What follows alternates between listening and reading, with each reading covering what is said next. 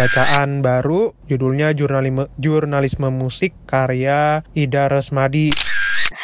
Jadi kan biasanya kalau misalnya ada yang disukai, suka pada bilang, oh this is my cup of tea, gitu kan. Nah sekarang uh, bukan yang cup of tea. Steven, lu nggak suka buku apa? Nah, Steven mah suruh baca Harlequin aja. iya bener juga. Jangan. Iya nggak suka apa? Om Rane ya? gua- Makanya gue tanya Rane. Iya gue gak suka Rane sih. Makanya masa gue suruh baca Rane. Ya, aku mau eh, nge-review sedikit ya tentang ini buku sejarah yang menarik ya tentang revolusi Iran. Dari bukunya Gary Chapman, The Five Love Languages for Men. Buat dua anak-anak muda ini. Hmm. Kenapa sih? Hmm, Om Toto ngapain ikut Eh? Tok, lu diem, Tok. Gak usah, eh. Lu udah tua soalnya.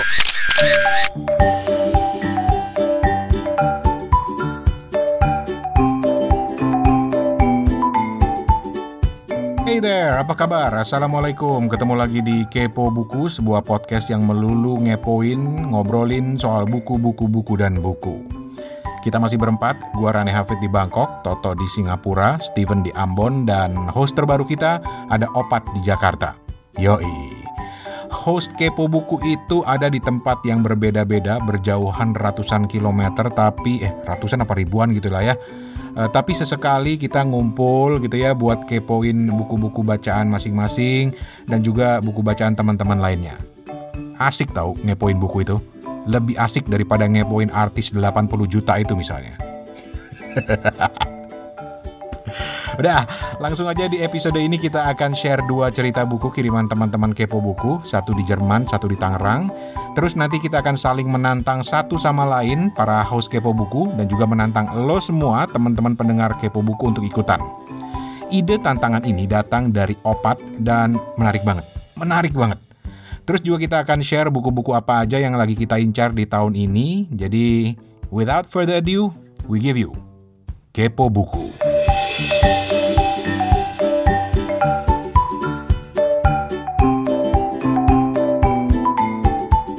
Oke, sebelum kita masuk ke tantang menantang buku, gimana kalau kita dengerin dulu satu cerita dari seorang teman namanya Ibi, tinggalnya di Jerman, kuliah di sana ya, Ibi ya.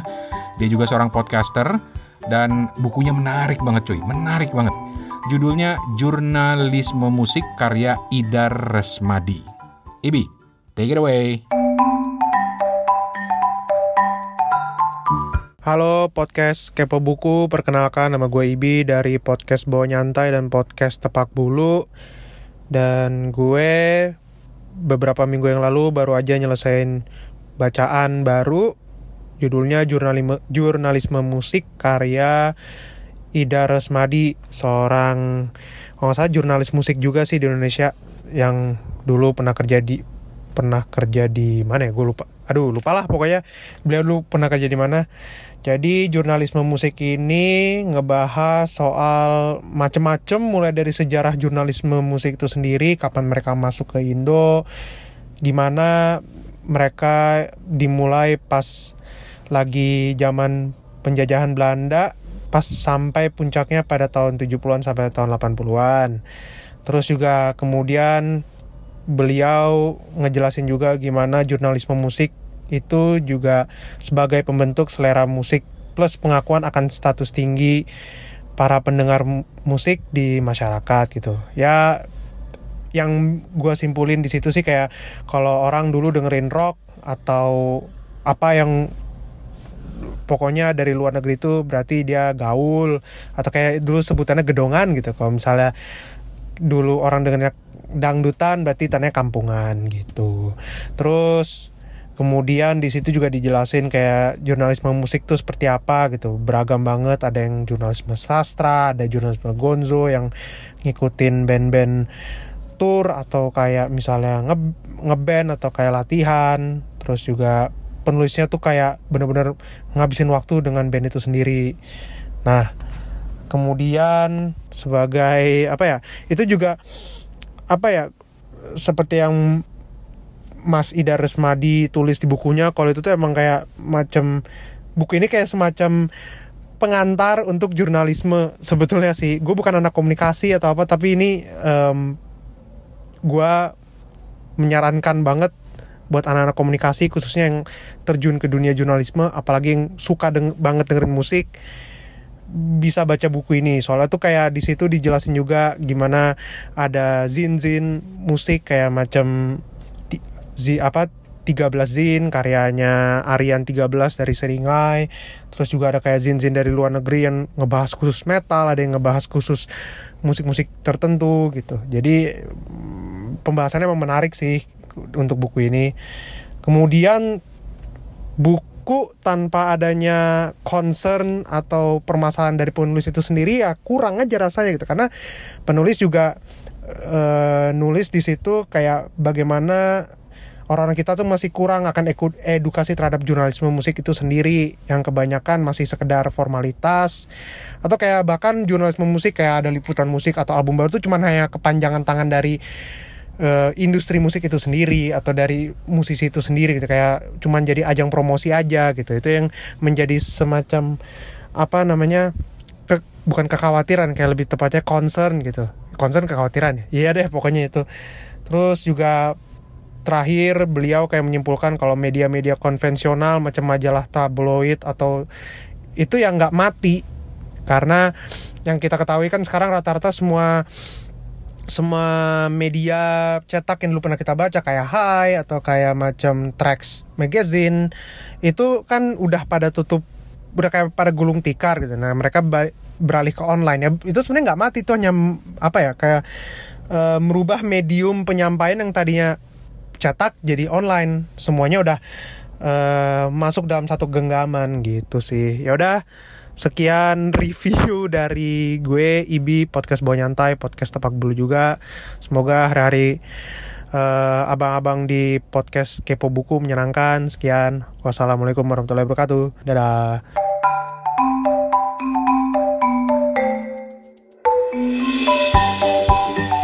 Waalaikumsalam, terima kasih Ibi di Jerman. Jurnalisme musik ini menarik banget. Eh, bener juga ya, musik itu sebenarnya bisa jadi satu genre jurnalisme tersendiri.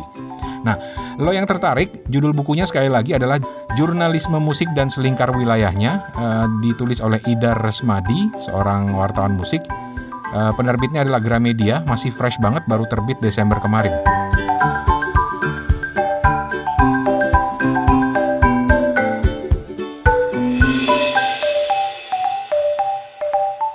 Dan sekarang kita lanjut. Eh, kalau bicara genre, mau genre musik kek, mau genre buku kek, setiap orang itu punya preferensi tersendiri. Nah, kita di Kepo Buku ini juga punya preferensi genre buku masing-masing. Tapi justru itulah yang bikin Kepo Buku menjadi seru. Kalau semua genrenya sama, lo kebayang gak sih boseninnya kayak apa? Kita ngobrolinnya bukunya yang sama melulu gitu loh. Bahkan kita pernah nantang dan ini belum sempat dijalanin ya. Bagaimana kalau eh, kita juga ngulas soal buku resep misalnya. Kenapa enggak?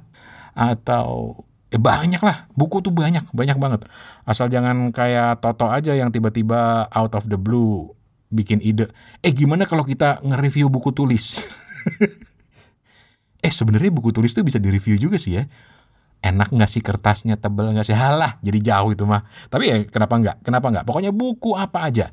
Nah bicara soal tantang menantang, ini Opat tiba-tiba muncul dengan sebuah tantangan menarik. Opat ini host terbaru kita.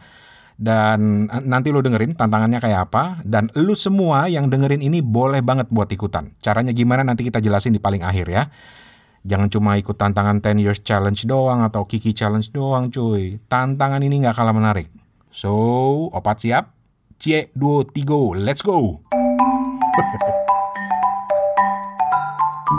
Kalau awal tahun banyak challenge-challenge gitu kan. Mm-mm. Nah, misalnya ada challenge-nya uh, Goodreads Challenge. Pada ikutan nggak sih? Hmm. Aku tahu Ikut, Stephen ikut.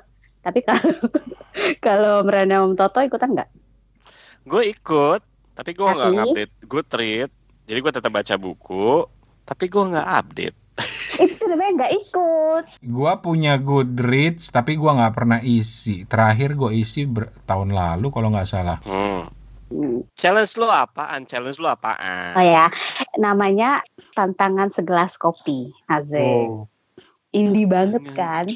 Segelas Gelas kopi. kopi. Pahit. Jadi kan biasanya kalau misalnya ada yang disukai, suka pada oh this is my cup of tea, gitu kan. Nah sekarang eh, bukan yang cup of tea. This is not your cup of tea, tapi this is your glass of coffee. yang adalah menantang paling tidak dalam satu tahun ini eh, Om Rane, Om Toto, Steven, dan teman-teman kepo buku semuanya mau ikutan, ayo aja uh, untuk membaca buku dari penulis atau genre eh bilangnya apa? Genre. Itu Genre. yang yang tidak disukai. Kayak misalnya Udah, gua udah, gua udah. nggak bisa Nggak belum bisa. hitung belum hitung tidak bisa. Sebulan harus satu. nggak sebulan satu lah. Tiga bulan satu. Tiga bulan satu. ini aku nggak ikutan ya pokoknya Di, kan yang ngasih tantangan masa aku ikutan Eh. gak Ikutan bisa. dong. Ikut anak Nggak, aku aja udah- lu. Jadi, ini sebenarnya terinspirasi, gak terinspirasi sih. Jadi aku tuh pernah sekitar dua tahun lalu, aku tuh kan gak suka sama salah satu penulis gitu kan. Terus aku menantang diriku sendiri untuk membaca buku penulisnya itu Hmm. buat dengan keteguhan hati gitu kan. Dan Hmm. ternyata aku berhasil gitu. Dan pasti orang-orang lain juga bisa. Dan setelah membaca, aku pengen diungkapkan apa yang menarik atau hal apa yang disukai dari buku itu. Gitu deh, gampang kan? Jadi misalnya eh apa Om Rade baca Seven Ways itu, terus tapi harus diungkapkan hal apa yang menarik. Misalnya, misalnya atau aku kalau boleh memberi opsi lain, misalnya What is the color of your parachute itu kan ada tuh buku begituan. Yang pang- yang terakhir dong, yang 2019 kan udah terbit tuh. Apa tuh? Ya The Color of the Parachute kan setiap tahun harus dikeluarin terus. Iya iya. Ya, what is what is the color of your parachute 2019 gitu dah. Hmm. Hmm. Atau kalau Om Toto nggak suka apa? Toto. Atau Om nggak- Toto menghabiskan 94 jilid detektif Conan gitu kan? Ah, dia doyan. Oh dia doyan. Oh, kalau detektif Conan doyan ya? Gue lagi mikir, gue mikir. Hmm. Gue terus terang lagi mikir. Toto suka fantasi nggak? Suka ya? Suka. Yang nggak suka apa? Om Nggak Rane ya? Makanya gue tanya Rane. Iya gue gak suka Rane sih. Makanya masa gue suruh baca Rane. Hmm, asli, asli ini, ini, ini challenge yang bikin gue mikir. Tapi oke, Steven, lu nggak nggak suka buku apa? Nah, Terus itu mah suruh baca Harlequin aja. Iya bener juga. Gerangan. Nah itu dia Yes. makanya tantangan. Iya, satu bulan, eh satu kali enam bulan tuh nggak masalah. Harlequin itu cepet dibaca kalau sehari jadi. Eh gue setuju, gue setuju. Kalau untuk Steven harus baca Harlequin. Masa lu mau jadi pria tuna asmaramu, lu Fen? Eh, kalau di antara teman-teman aku, buku itu dibilangnya buku kipas. Gue kipas. Hmm, soalnya kan kipas-kipas baca. Ah, baik. Masih Eh, mikir, beneran. masih mikir, masih mikir. Tapi oke, Lama. Steven, kalau lu ngomongin tantangannya si Opat, apa yang bisa lu, lu jawab? Ya, hmm, Buku apa yang lu paling gak suka? sampai nggak suka yang nggak masuk di radar Atau bukan bacaan. nggak suka sih, bukan favorit. Iya, nggak masuk di radar lah. Apa ya? Buku puisi pertama kali ya. Hmm. Bohong, bohong, bohong. Buku PC Bohong banyak yang banget. bagus-bagus lagi, Fen. Bohong Ini masih- banget. Aku pernah lihat dia baca buku puisi. Em, Yes, Steven. mungkin mungkin mungkin historical fiction gitu-gitu. historical fiction. Iya, Historical Apa? romance mungkin nggak sih? romance saya. Oke, langsung aja. Steven nggak suka buku romance. Oke, lanjut. Gue tahu sekarang mau nantangnya gimana. Eh, Opat, lu nggak suka buku apa? Om Toto belum, Om Toto dulu, Om Toto Ya udah, dulu. ya udah. Opat lagi mikir. Toto, Sebenarnya gue nggak ada yang gue ini, cuman gue inget banget di episode belakangan tuh gue jarang banget eh, eh, baca apa, Ran? Ah, graphic, graphical Graphic novel, apa lu novel. ngomongnya? Graphic novel. Nah, mungkin gue akan baca graphic novel karena gue jujur aja gue nggak baca graphic novel for ya udah lama banget. Jadi ntar gue mungkin akan nanya sama Rani, judul apa yang harus gue baca? saking nggak sukanya sampai graphic novel uh, The Alchemist Paulo Coelho itu dikasih ke gue. Oke. Iya, tapi gua akan gua akan ngomong sama Rani. Rani kan suka baca graphic novel nih. Jadi gua akan Oke. tanya sama dia graphic novel apa yang bagus dan akan gue baca gitu. Oke. Balik ke Lu opat. selain self help, Ran, Ran, Ran, Ran. Ah. Selain self help, Ran, gue rasa lu harus baca Apa? buku fiksi, Gue suka fiksi. Tapi horor. Ah, aduh. Eh aku punya rekomendasi horor. Ntar gue kasih tahu ya. Lu kan gak suka horor lu. Emang gua nggak suka. Makanya gue challenge lu baca buku fiksi horor, jangan self help. Self help itu lebih horor. Yang fiksi horor aja, kayaknya horornya lebih rendah daripada self help. Oke. Hmm. Ntar gue kasih tahu om. Aku tahu rekomendasi. Oke, jadi ini saksi mata ya buat teman-teman yang lagi dengerin kepo buku. Masing-masing kita punya buku yang nggak ada dalam radar kita dan kita saling menantang. Tinggal opat yang belum nih. Iya, opat. Lu baca buku apa lu, Pat? Gue gue tantang lu baca buku masak. Jangan-. Buku apa? Buku masak. Buku masak. Oke. Eh, enak aja, nggak ada. Ya udah, sambil opat masih mikir, Steven, gue mau nantang lu Yap. Steven. Tadi Toto udah nantangin gue baca buku horor. Tinggal lu kasih judulnya ya. Uh, Mm-mm. Eh, gue mau nantang Steven sekarang. Steven, ya, gue minta lu baca satu bukunya Motingo Bushe. mau tinggal. Pusing pusing. Challenge accepted. Susah tahu nyarinya. Bisa, nanti gue cari, gue kasih. Gue punya. Ya nanti dicari di Tokopedia dulu kalau ada. Gue juga punya, kalau lo mau gue kirimin. Iya. Oke. Boleh gue kasih judul yang spesifik nggak? Nanti Boleh, off the record om. Off the record om. Off the record. Oke.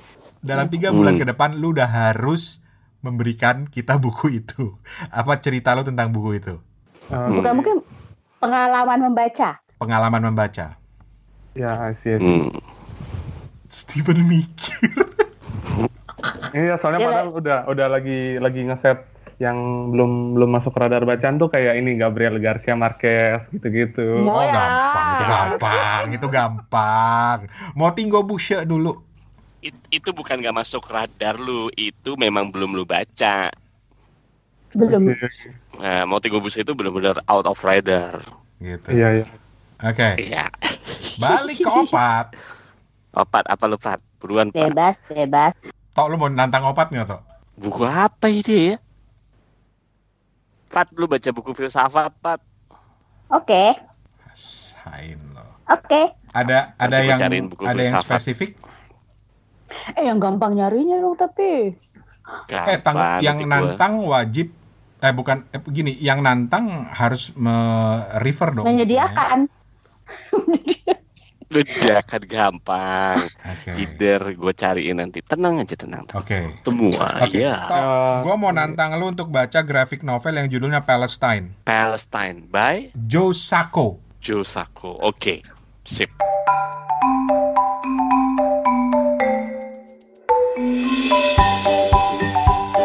Gimana, gimana?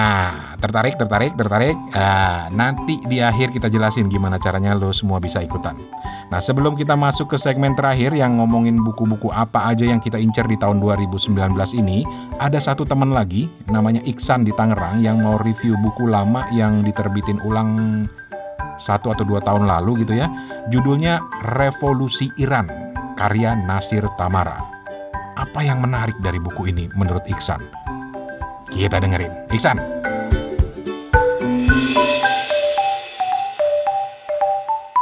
Halo Kepo Buku, Eh, perkenalkan nama aku Iksan, aku dari Tangerang. Pada kesempatan ini aku mau eh, nge-review sedikit ya tentang buku yang sebenarnya aku udah baca agak lama, jadi agak-agak lupa. Tapi menurutku aku ini- ini buku sejarah yang menarik ya tentang revolusi Iran. Ya jadi judulnya ini Revolusi Iran yang nulis wartawan namanya Nasir Tamara, penerbit KPG. Udah dari tahun 2017-an, agak lama. Tapi sebenarnya buku ini buku lama yang udah diterbitin sebelumnya 1980 yang diterbitin ulang sih sama KPG. Jadi Nasir Tamara sendiri adalah seorang wartawan yang mengikuti Ayatullah Khomeini mulai dari pengasingannya di Prancis sampai dia balik lagi ke Iran. Jadi awal mula buku ini dimulai dari sejarah Iran zaman dulu banget, terus melanjut ke zaman kolonialisme lanjut lagi ke zaman Syah Iran jadi sejarah Syah Iran bagaimana awal mula dinasti itu dinasti Syah Iran itu ada ada dibahas sejarahnya. Terus tentang agraria di zaman Syah Iran juga ada dibahas. Industri petrokimia yang di daerah Shiraz Abadan dibahas juga. Uh, terus uh, perminyakan Iran juga dibahas. Cukup detail sih kayak berapa hasil yang didapatkan Iran pada industri perminyakan tersebut. Uh, ngomongin revolusi Iran udah pasti juga bakal berbicara tentang Ayatollah Khomeini. Uh, diceritakan bagaimana Ayatollah Khomeini saat kecil dan bagaimana menempuh pendidikan di daerah Qom, Iran. Terus bagaimana masa remajanya dia, masa tumbuh kembangnya beliau yang mempengaruhi beliau sampai saat masa-masa revolusi tersebut. Yang kita tahu kan Ayatollah Khomeini itu apa ya orangnya kayak dingin terus berwibawa sekali disegani dan dicintai banyak orang pada saat itu sampai saat ini juga banyak dicintai dia sama orang-orang Iran. Uh, oh iya berbicara tentang Iran juga tidak lengkap ya tanpa ngomongin Islam Syiah. Bagaimana Islam Syiah itu di Iran sangat-sangat mempengaruhi para pemikir-pemikir Iran saat itu dan juga rakyat-rakyat mereka. Terutama mempengaruhi Imam Khomeini juga yang paling utama. Terus uh, selain itu juga dibahas gerakan-gerakan kiri kayak sosialis Iran, komunis Iran juga ada disinggung sedikit. Uh, presiden pertama Iran juga di sini dibahas ya, bernama Bani Sadar kalau nggak salah. Jadi dia presiden pertama Iran yang terpilih tahun 80-an, kurang lebih mendapatkan 70% suara. Lumayan banyak ya. Banyak banget malah. Terus selain itu yang aku kagum dari buku ini juga adalah uh, Nasir Tamara bisa mendapatkan akses wawancara dengan mahasiswa yang menyandra kedubes Amerika saat itu jadi dia datang gitu ke kedubes Amerika Serikat dan bisa mewawancarai para penyandra. Uh, menurut aku ini buku yang sangat-sangat menarik. Tidak terlalu tebal, tidak nyampe 400 halaman, tapi uh, memuat informasi sejarah yang sangat-sangat lengkap ya untuk ngomongin tentang revolusi Iran sendiri. Selain itu, kronologi-kronologi peristiwa yang terjadi saat masa-masa revolusi Iran tersebut juga uh, mudah untuk kita mengerti ya karena bahasanya yang naratif sekali, komunikasinya enak. Uh, selain itu juga buku ini punya beberapa gambar-gambar dokumentasi, mungkin bisa memberi kita sedikit pandangan tentang Iran pada saat-saat tersebut. Kayaknya ini satu-satunya buku yang berbicara tentang revolusi Iran yang berbahasa Indonesia. Jadi kalau mau tahu tentang revolusi Iran dan mudah untuk dipahami dan tidak terlalu tebal bukunya, ya aku kira buku ini cukup untuk menjadi suatu referensi wajib sih itu aja yang aku sampaikan. Terima kasih. Oke, Iksan, terima kasih banyak Iksan di Tangerang. Uh, revolusi Iran ini menarik karena bisa membantu kita untuk melihat latar belakang sebuah negara seperti Iran dan ini bukan buku yang main-main karena ditulis oleh uh, Bang Nasir Tamara, Dr. Nasir Tamara tepatnya. Beliau ini adalah wartawan kawakan yang sering bikin liputan soal Iran. Bang Nasir ini kalau nggak salah dulu pernah sampai dia harus di apa ya di ekstradisi keluar dari Irak gitu waktu zamannya eh, Saddam Hussein dulu dan yang menarik kalau bicara Iran karena Bang Nasir Tamara ini bisa dibilang sebagai salah satu saksi mata penting dari revolusi Iran. Ya gimana nggak penting cuy? Beliau pernah satu pesawat dengan biangnya revolusi Iran. Siapa lagi kalau bukan Ayatullah Ruhollah Khomeini. Waktu beliau dan semua rombongannya itu kembali ke negaranya, kembali ke Iran dari pengasingan di Perancis. Keren cuy. Dan ini gue pikir bisa jadi rujukan penting buat yang doyan sejarah khususnya sejarah Iran. So, terima kasih kembali Iksan dan kita lanjut lagi. Lu masih dengerin Kepo Buku bareng gua Rane Hafid, kemudian ada Opat, kemudian Toto, dan juga Steven. Terakhir kita berempat akan ngomongin buku-buku apa aja yang akan jadi inceran kita di tahun 2019 ini. Ya, bisa disebut sebagai resolusi lah.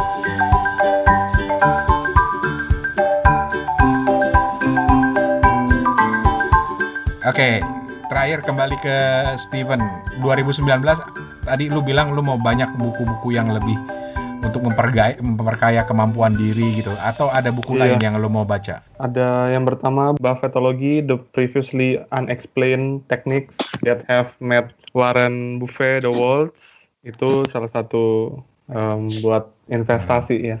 Terus dari bukunya Gary Chapman, The Five Love Languages for Men.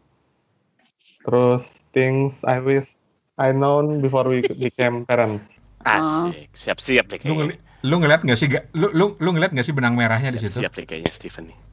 Yang pertama itu buku tentang wealth. Jadi Steven ingin memperbaiki diri, ingin memperkaya Ah. diri gitu kan ya. Terus yang kedua yang kedua itu buku tentang love Asik. gitu kan ya. oke. Terus Yang ketiga tentang parenting. Ada benang merahnya ya. hmm, Apa iya, benang 2019. merahnya? benang merahnya tiga buku itu. Yang adalah apa, Steven? Nyari duit dulu, nyari pacar, baru jadi orang tua. Nggak gitu. Gimana sih lu? Ah, susah amat sih opat nih. Opat, kalau lu apa? Aku lebih pengen aku menuntaskan buku-buku pinjaman. Boleh juga, nggak masalah. apa-apa. Bener juga sih. Oh, Bener juga. Buat teman-teman yang minjemin buku ke Opat, siap-siap 2019 bukunya bakal dibalikin. insya Allah, amin. Oke. Sti- eh, Toto, Gue nggak punya rencana baca buku apa di 2019 ini. Seperti biasa, gue nggak pernah punya rencana. Hmm. Rencana gue cuman ke toko buku seperti biasa setiap minggu, kemudian gue akan browsing buku apa dan gue ambil gitu. Jadi gue nggak punya rencana. Untuk apa direncanain? Untuk Life apa ya? flow, Untuk apa yo? Ah, tenang santai aja. Satu-satunya yang gue rencanain itu adalah rundown podcast ini mau ngomongin apa. Udah itu aja. oke. Tapi tahun ini baca Hmm. berapa pengennya? Pengennya baca berapa ya? Ah, berapa ya? Nggak tahu. Tahun kemarin gue baca nggak banyak. Paling cuma sekitar 60-an. 75 kali ya. gitu. Ya 60-70 kali ya. Gue nggak ngitung. Gitu. Berarti tahun ini ya or less sama. Minta minta maaf dong, gue mau nanya dikit nih buat dua anak-anak muda ini. Hmm. Mhm. Kenapa sih? Oh, Om Toto ngapain ikut Eh, ikutan? Tok, lu diem Tok, gak usah. eh. Lu udah tua soalnya. Mau- Ya mau nanya apa? Kenapa target jumlah membaca buku itu jadi penting buat kalian? Steven dulu ah. Em, sebagai apa ya kayak sebagai resolusi di tahun yang baru kali Mhm. itu pertama tapi yang kedua tuh biar jadi jadi currency gitu ya kayak di tahun ini udah sekian buku yang dihabisin gitu Oke, itu alasan yang valid sih. Opat, Biar senang aja. kayak semacam tantangan gitu ya. Iya, kan lebih ke pribadi aja sih. Maksudnya orang lain mau, misalnya Steven setnya uh, berapa? Kamu Steve? 70 70 Ya. tapi realistisnya mungkin sekitar 60 kali Ya misalnya dia 70, aku kan gak nyampe 70 setnya. Ya nggak apa-apa, karena itu bukan saingan sama orang lain, tapi lebih ke pribadi aja gitu. Terus jadi buat mengingatkan kan kadang-kadang ada masanya nggak pengen baca gitu kan. Hmm. pengennya nonton aja atau ngapain aja. Nah, tapi kalau dengan ada kalau di Goodreads kan ada tulisannya misalnya ketinggalan berapa buku atau maju berapa buku gitu. Jadi lebih ke reminding self. Oh, eh, masih kurang nih baca bukunya gitu. Oke. Oke. Tok, Ya siap. jumlah penting gak sih buat lu? Kalau gue pribadi jumlah nggak penting buat gue karena sesuatu yang lu udah achieve dan lu merasa bahwa itu sudah lebih dari rata-rata menurut gue kita gitu ya Mhm. Eh, misalnya kayak Opat, eh, Steven 60 70, gue juga gitu menurut gue em, ya udah lebih dari rata-rata orang membaca buku kan menurut gue ya gitu kan. Hmm. Eh, kalau secara pribadi tantangan yang buat gue sih seharusnya bukan lagi jumlah. Tantangan buat gue adalah justru menuliskan kembali apa yang udah gue tulis gitu. Podcast ini kan kita ngobrolin buku nih, gue ngobrolin Hmm. buku, gue sharing, review, cuman sekedar cuman sedikit ya dari buku-buku yang gue baca. Gue pengen sebenarnya setiap kali buku yang gue baca, even cuma dua tiga paragraf di Goodreads sebenarnya harusnya gue tulis gitu. Sekedar untuk ngingatin kembali aja bahwa oh ini gitu. Jadi gimana ya nge-retrieve lagi ilmu atau nge-retrieve lagi informasi yang ada dalam buku itu. Menurut gue sih jauh lebih penting itu buat gue gitu. Jadi kalau number Oke. ya number it be- very important ketika lu memang lagi struggling achieve that number gitu menurut gue. Cuman kalau ketika lu udah achieve buat apa gitu, lu udah achieve 60 70 buat Steven menurut gue sih menurut gue ya kalau gue jadi Steven udah nggak penting lagi karena udah pasti itu gitu. Harus the next level. Cah, Sedap. sweet sweet. Sementara gue, gue nggak punya target sama dengan Toto, gue nggak punya target apa-apa. Tetapi secara pribadi, gue sebetulnya tahun ini gue mau berusaha untuk kembali menengok Harry Potter. Hmm. Buku yang nggak pernah berhasil bisa gue nikmatin. Weh, weh. Jadi 1 Weh. sampai 7 di tahun ini. Kenapa? Jadi langsung baca 1 sampai Oh. 7 di tahun ini. Kalau gue bisa menikmati, mungkin gue akan habisin. Tapi gue belum pernah berhasil. Jadi, kalau lu penggemar Harry Potter, gue dengan senang hati menerima masukan. Apa sih yang harus dilakukan atau gimana sih caranya menikmati Harry Potter? Baca. Baca, Ran. Eh, gue udah berusaha. Gue udah nonton filmnya nggak suka. Gue udah berusaha beli bukunya dua. Mungkin pakai yang ilustrasi, Om. Oh iya, Harry Potter yang sekarang kan diterbitin lagi dengan ilustrasi. Oke, gue akan coba. Tapi terlalu kekanak-kanakan ilustrasinya, Pat. Eh, aku kan masih anak-anak. Iya ya, Rani kan udah tua ya. Iya.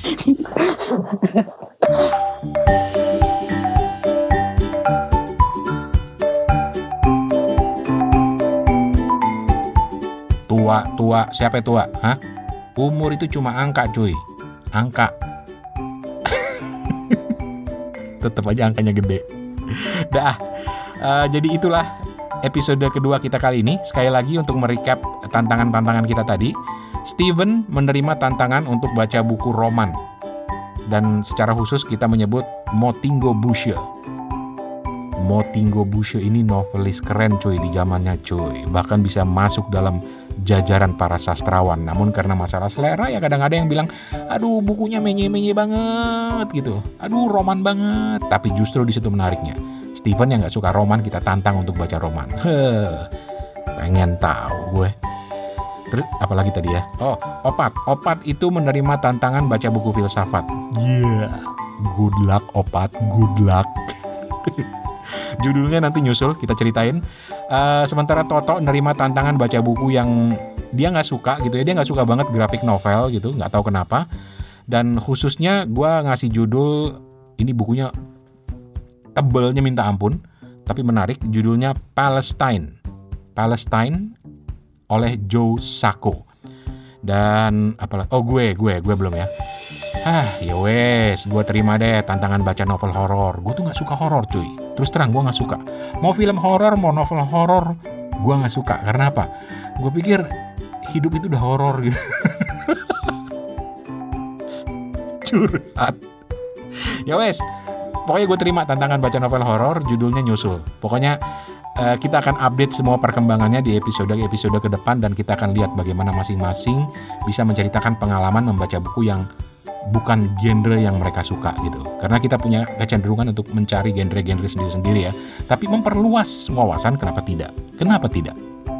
Nah, lo yang lagi dengerin episode ini, eh jangan diem aja lo. Lo juga kita tantang. Kita mau nantang lo untuk cerita tentang genre buku apa aja yang nggak pernah lo sentuh atau nggak ada di radar lo atau lo nggak suka gitu aja jujur aja bilang nggak suka, gue nggak suka, nggak suka, nggak suka gitu. Tapi kita mau tantang untuk justru mencoba membacanya dan menceritakan pengalaman lo membaca buku-buku itu. Bersedia menerima tantangan ini? Caranya sebentar lagi ya. Eh, oh ya, yang juga mau share tips-tips cara menikmati buku Harry Potter seperti yang eh, kita obrolin tadi, boleh banget, boleh banget, cuy.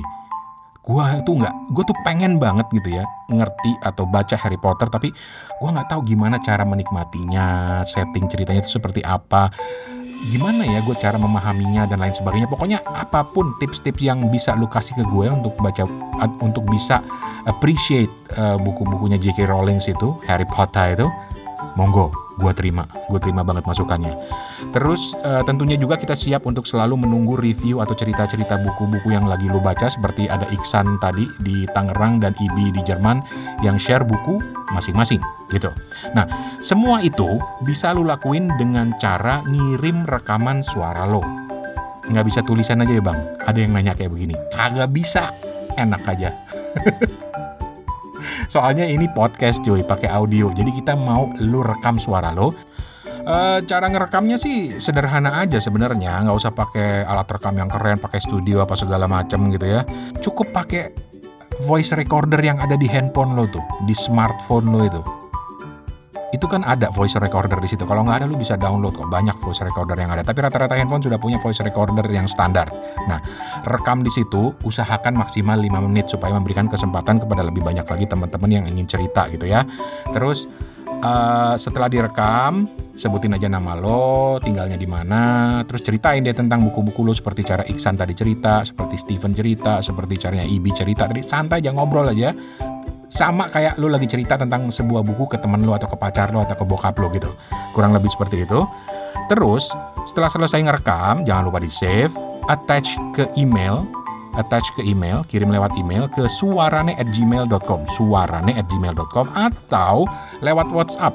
Lewat WhatsApp itu catat nomornya 087878505012. Gampang nomornya 087878505012 atau ketik aja di browser HP lo. Eh, ketik ini bit.ly garis miring ikut kepo buku. Huruf kecil semua jadi satu. bit.ly garis miring ikut kepo buku. Gitu, nanti otomatis akan kebuka ke WhatsApp. Tenang, nomor lu nggak gua share sama siapa-siapa. Paling ntar lu nerima SMS ini penawaran kredit. Enggak, enggak bercanda, bercanda, bercanda.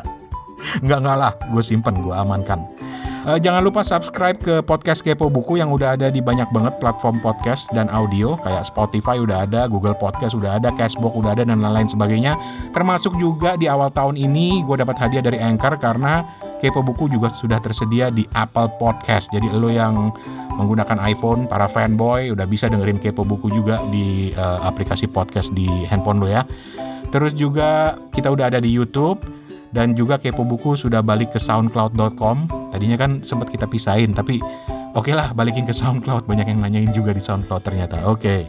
Eh, cari aja keywordnya di aplikasi tersebut ya. Masuk ke aplikasi pilihan lo, cari aja keywordnya Kepo Buku, Kepo Buku di Anchor juga bisa kalau lo punya eh, account Anchor.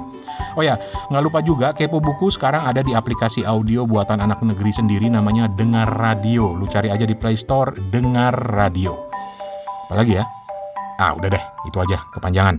Kita ketemu lagi di episode berikutnya di mana kita berempat bakal ngobrol dengan seorang tamu keren yang mau cerita tentang bukunya yang juga keren. Keren banget. Jadi jangan lewatkan episode berikutnya, episode ketiga. Eh, jangan lupa juga buat subscribe ke Instagram dan Facebook kita. Masih ada yang pakai Facebook? Generasi Toto mungkin masih ada ya. Eh, subscribe Instagram dan Facebook kita itu ada di Suarane Podcast nama akunnya. Jadi Suarane Podcast jadi satu gitu. Oke, akhirnya gue Rane dari Bangkok, Opat di Jakarta, Steven di Ambon, dan Toto di Singapura pamit. Assalamualaikum, terima kasih guys, guys, guys, pamit guys. Ya, Thank you. Arigatou Terima kasih. Arigatou gozaimasu. Afternoon. ya.